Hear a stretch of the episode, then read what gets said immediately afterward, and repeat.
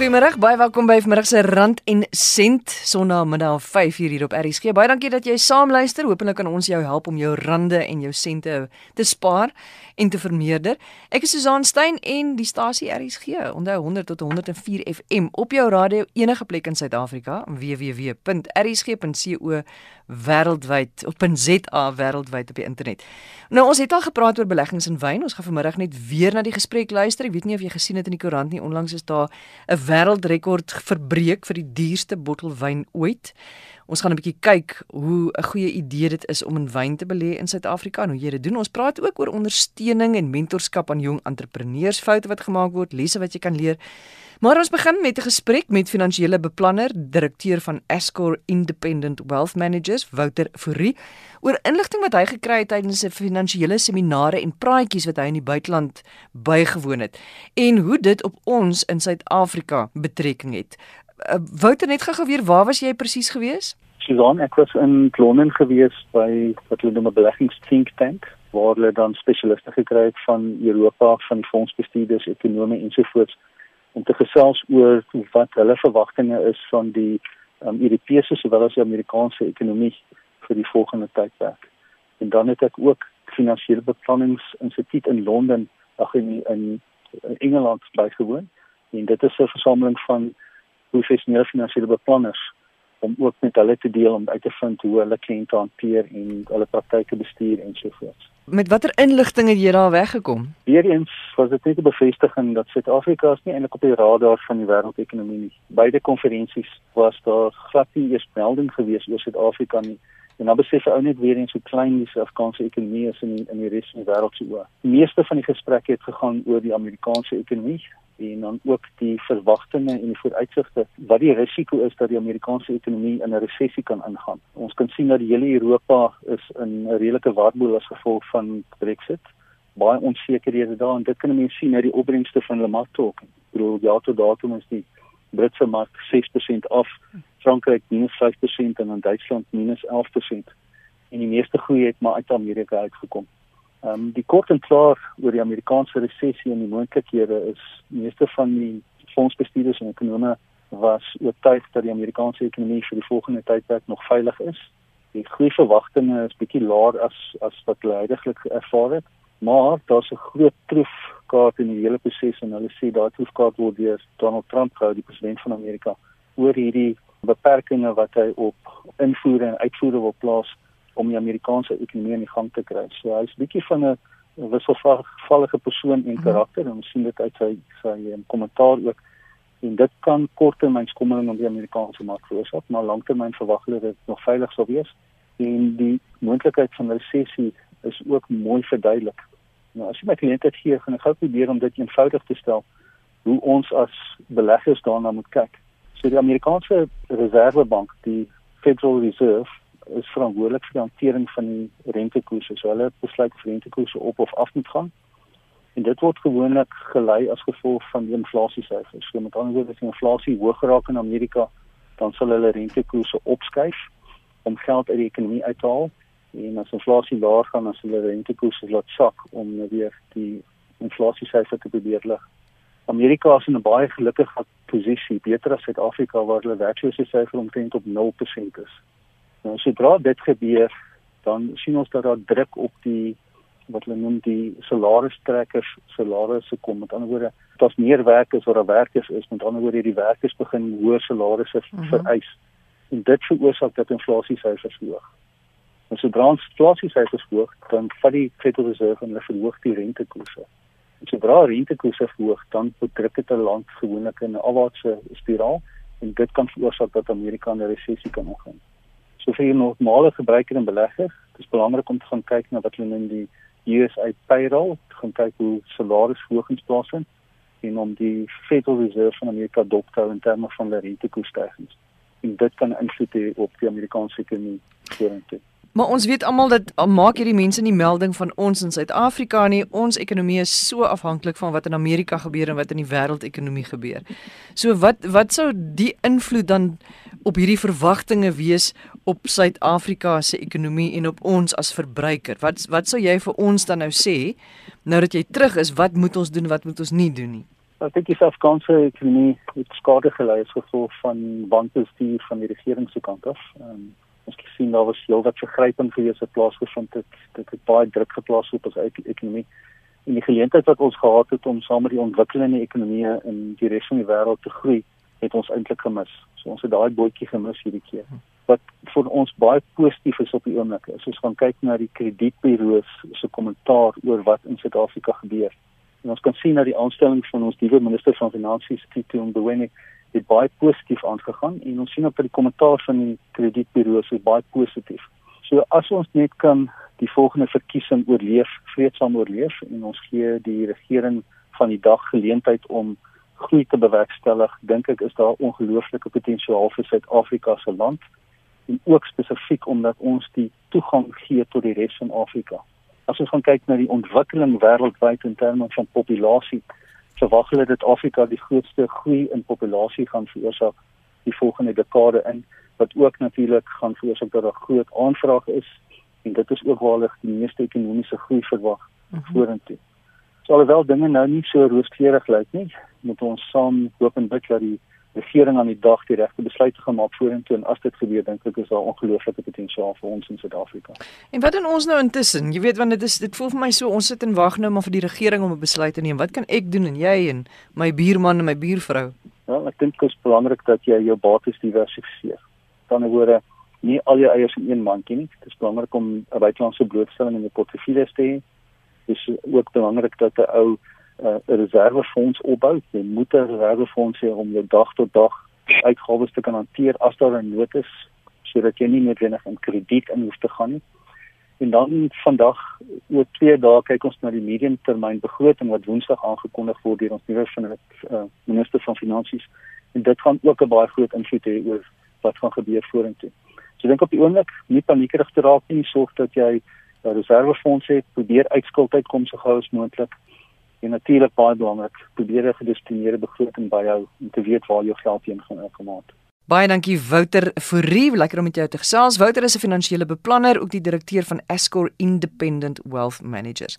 Ons gaan voort met rand en sent hier op RSG. Ek weet nie nou nie of jy gesien het van die wêreldrekord vir die duurste bottel wyn ooit 2 weke gelede gebreek.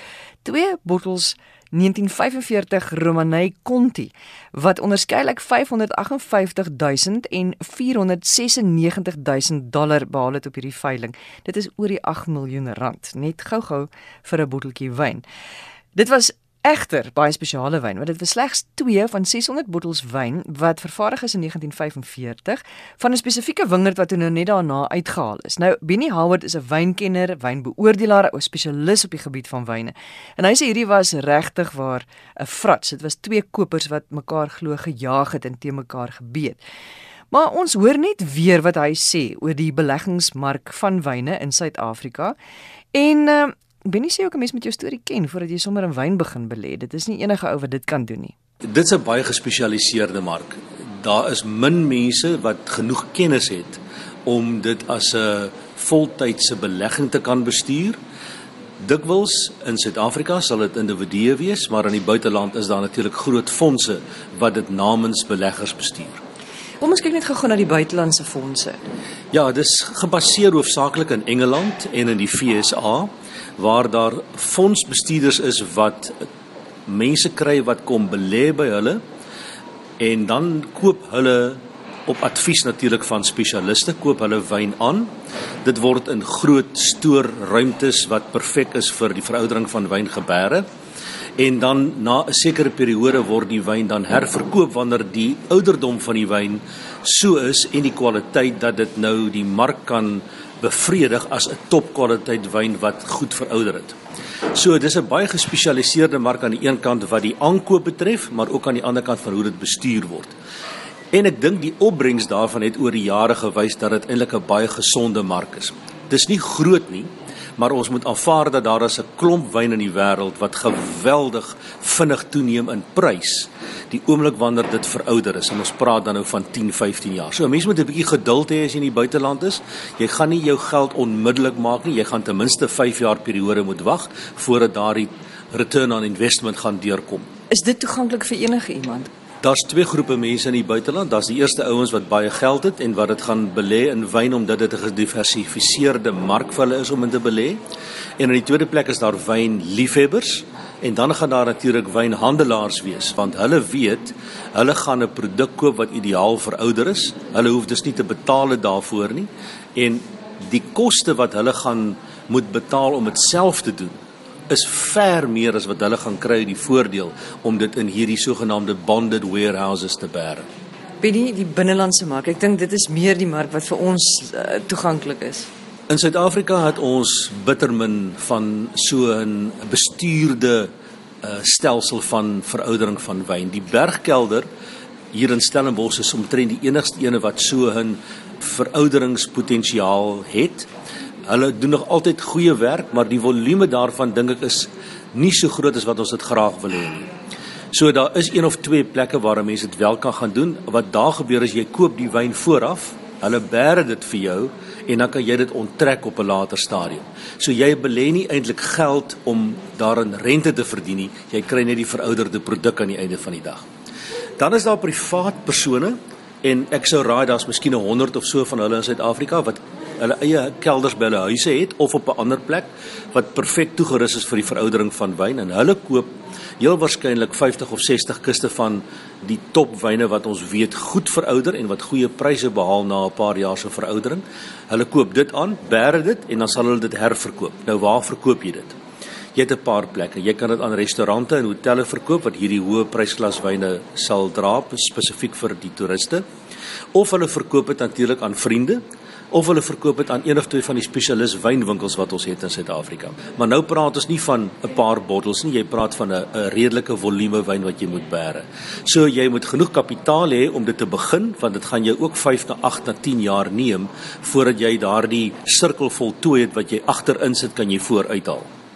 Dan is daar natuurlik van die handelaars self wat wyn koop en belê in wynvoorraad om dit dan te bære vir hulle eie doeleindes. Ons dink hier byvoorbeeld aan van die top lodges wat by die wildtuin is byvoorbeeld. Hulle koop wyn aan, bære spesifiek en verkoop dit dan oor 4 of 5 jaar natuurlik teen 'n baie goeie wins.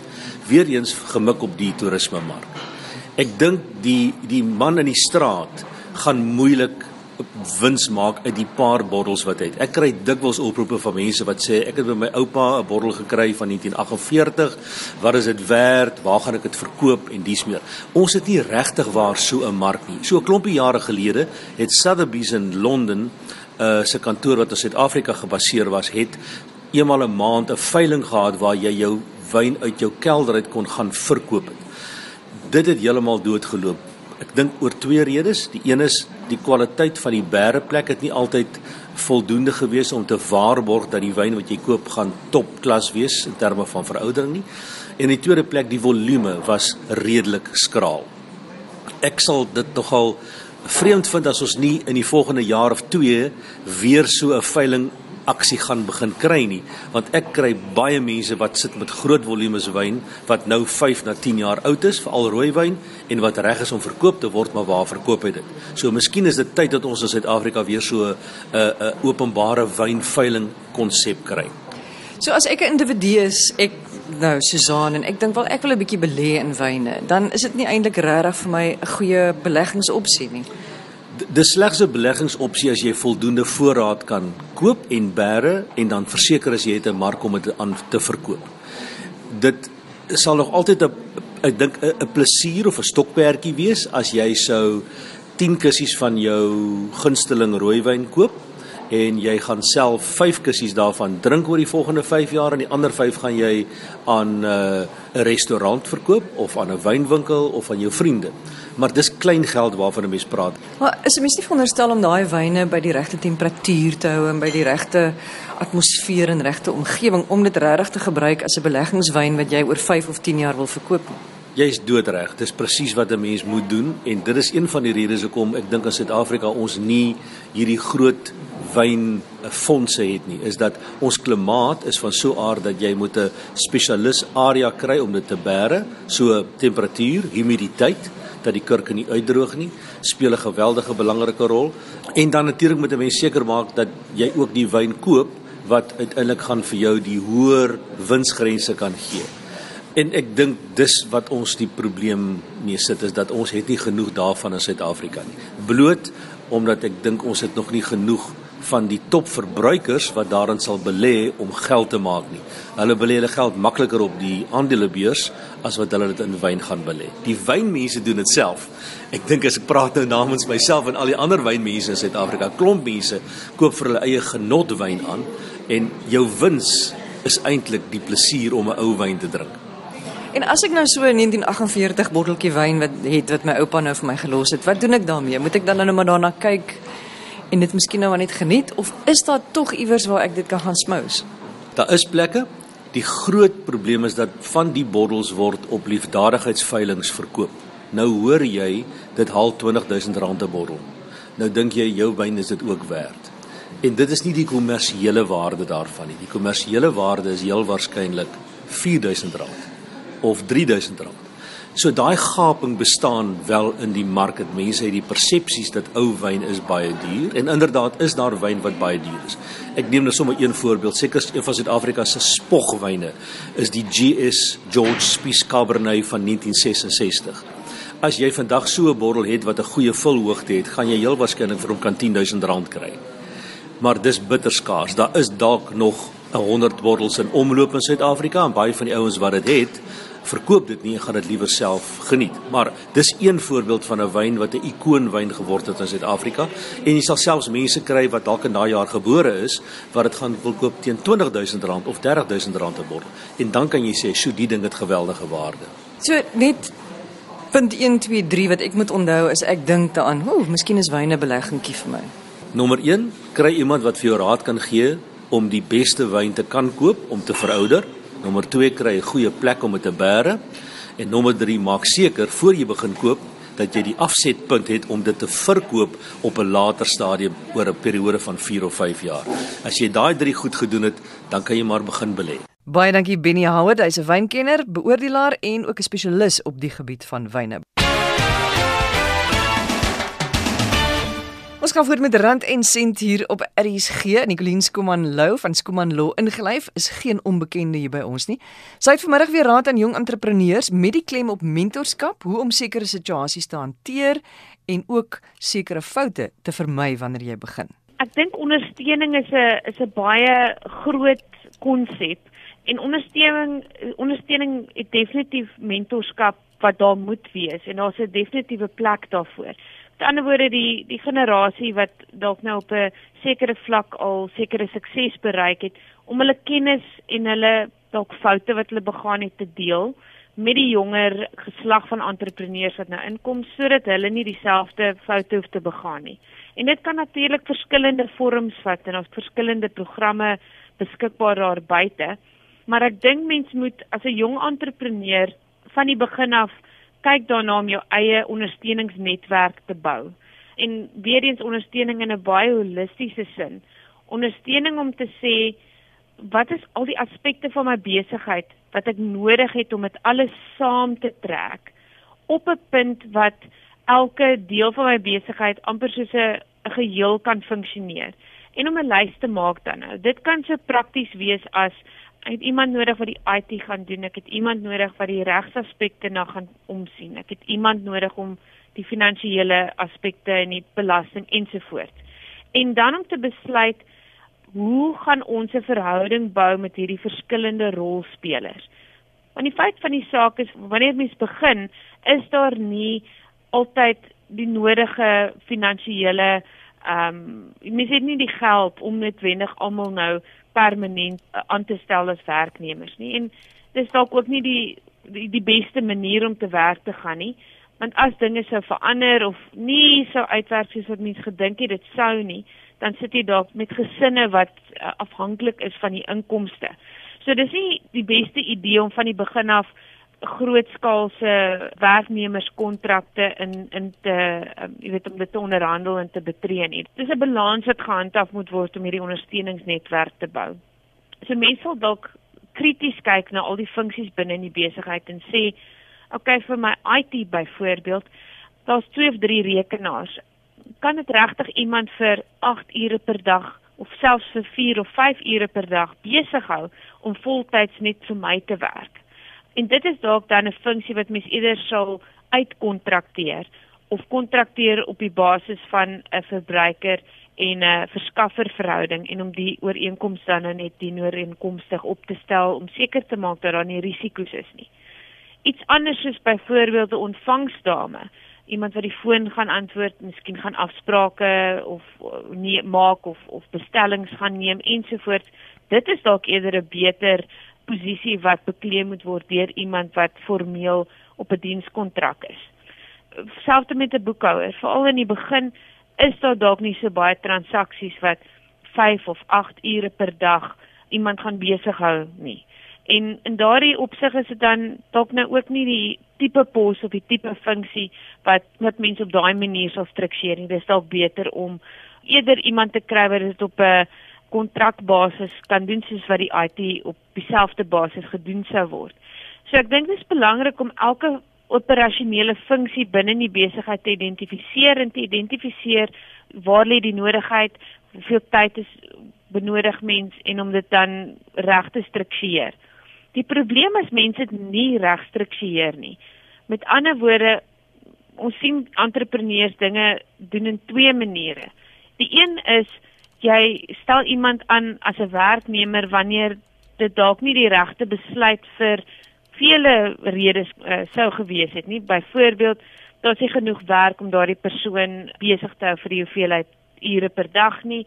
Dit begin produktiwiteit later negatief beïnvloed en al hierdie groter probleme wat dan daar uitspruit. Mm, mm. Of jy het dalk, jy weet, iemand wat jy wat jy op op 'n ander manier verbruike verskaffer ge ehm um, en en hulle het ander kliënte ook en hulle kom nie by jou hulle gee nie die nodige aandag wat jy van hulle verwag nie. Of die twee ander kant daarvan natuurlik is jy weet dit behalwe dat dit nie reg gestruktureer is nie die ander kant daarvan is dit word nie gedoen nie so die entrepreneur kan dalk dink ek gaan my eie finansiële state en boekhouding behartig. Ek gaan nie iemand kry om dit vir my te doen nie. En dalk word dit dan nou nie reg gedoen nie. En dan is daar groot belastingrekening of of allerlei ander risiko's wat daar uitsprei. So dit dit is ook nie 'n oplossing om te sê weet jy wat ek gaan alles maar self doen nie. Wat ons adviseer vir entrepreneurs is maak seker die bou daai ondersteuningsnetwerk, kry mense wat jy kan vertrou en en doen dit op die regte manier. Kontrakteer op die regte manier. Moenie net dit los nie. Enige iets anders nog wat jy kan byvoeg, um, wat miskien jong entrepreneurs kan help om seker te maak dat hulle dinge op die regte manier doen? Of miskien foute wat jy sien, mense wat by jou kom en dan is dit nou miskien 'n bietjie laat. Dan gaan dit hulle 'n klomp geld uit die sak jaag. Wel, ek dink twee twee goed is ons nou praat van van ondersteuning. Dis nou een ding om om te gaan krities dink en te gaan dink wie moet ek in watter posisie plaas en hoe gaan ek dit doen? Of om dit glad nie te doen nie. Ek dink van die begin af is dit dalk baie nodig dat die jong entrepreneur met iemand gesels wat die ervaring het dalk daardie mentor maak uh, vir 'n oomblik maak dit nou nie saak watter agtergrond daardie mentor het nie. Solank hulle die nodige ervaring het om die persoon te kan lei en te sê, weet jy wat, miskien moet jy dit so doen of so hierna kyk in plaas van op hierdie manier wat jy tans doen. So ek dink vra vir raad. As 'n hmm. jong entrepreneur, vra vir raad by jou mentor, by iemand wat die ervaring het of kry professionele insette van 'n persoon wat die wat die nodige ervaring het in die betrokke aspek wat wat jy moet aanvat. En goed wat verkeerd gaan, ek dink die grootste ding wat verkeerd gaan is dat dat mense net die besigheid doen maar nie dink aan al die ander goedjies wat agter mekaar moet val om dit te laat werk nie. Of dit nou die regsaspekte is of die finansiële aspekte of die boekhouding of die rekords of die administratiewe funksie in die agtergrond. Daardie goed word in baie gevalle eenvoudiglik net nie gedoen nie of gesê gaan dit môre doen of gaan dit volgende week doen en dan word dit nooit gedoen nie. En op daardie basis val dit gewoonlik op 'n groot skaal uitmekaar uit en en dis baie hartseer. So dis belangrik om te weet wat jy kan doen, wat jou sterkpunte is. Dit is belangrik om te weet wanneer jy iemand anders moet inbring. Belangrik om te weet eh, hoe gaan jy daai persoon inbring? Gaan dit meer permanent wees? Gaan dit meer tydelik wees om kontrakte in plek te hê? En ek dink is ook belangrik om jou droom te volg, maar jou verstand te gebruik. Nee, beslis. Ek dink dit is 'n baie goeie manier om dit op te som. Baie dankie Nicoline Skuman Lou van Skuman Law ingelyf. Onthou ons Rand en Sent boek is beskikbaar as jy vir iemand 'n Kersgeskenk wil koop, is ideale geskenk. En uh, as jy vir jouself 'n bietjie wil bederf of iemand 'n verjaardag geskenk wil gee, Rand en Sent boek beskikbaar by Exclusive Books of Bargain Books, asook aanlyn by Takealot en Loot. Dit is ons program. Onthou my e-posadres susan@rsg.co.za, S U Z A A N rsg.co.za. Ek hoop dit is 'n baie goeie en voorspoedige week vir jou. Ons praat volgende Sondag verder. Totsiens.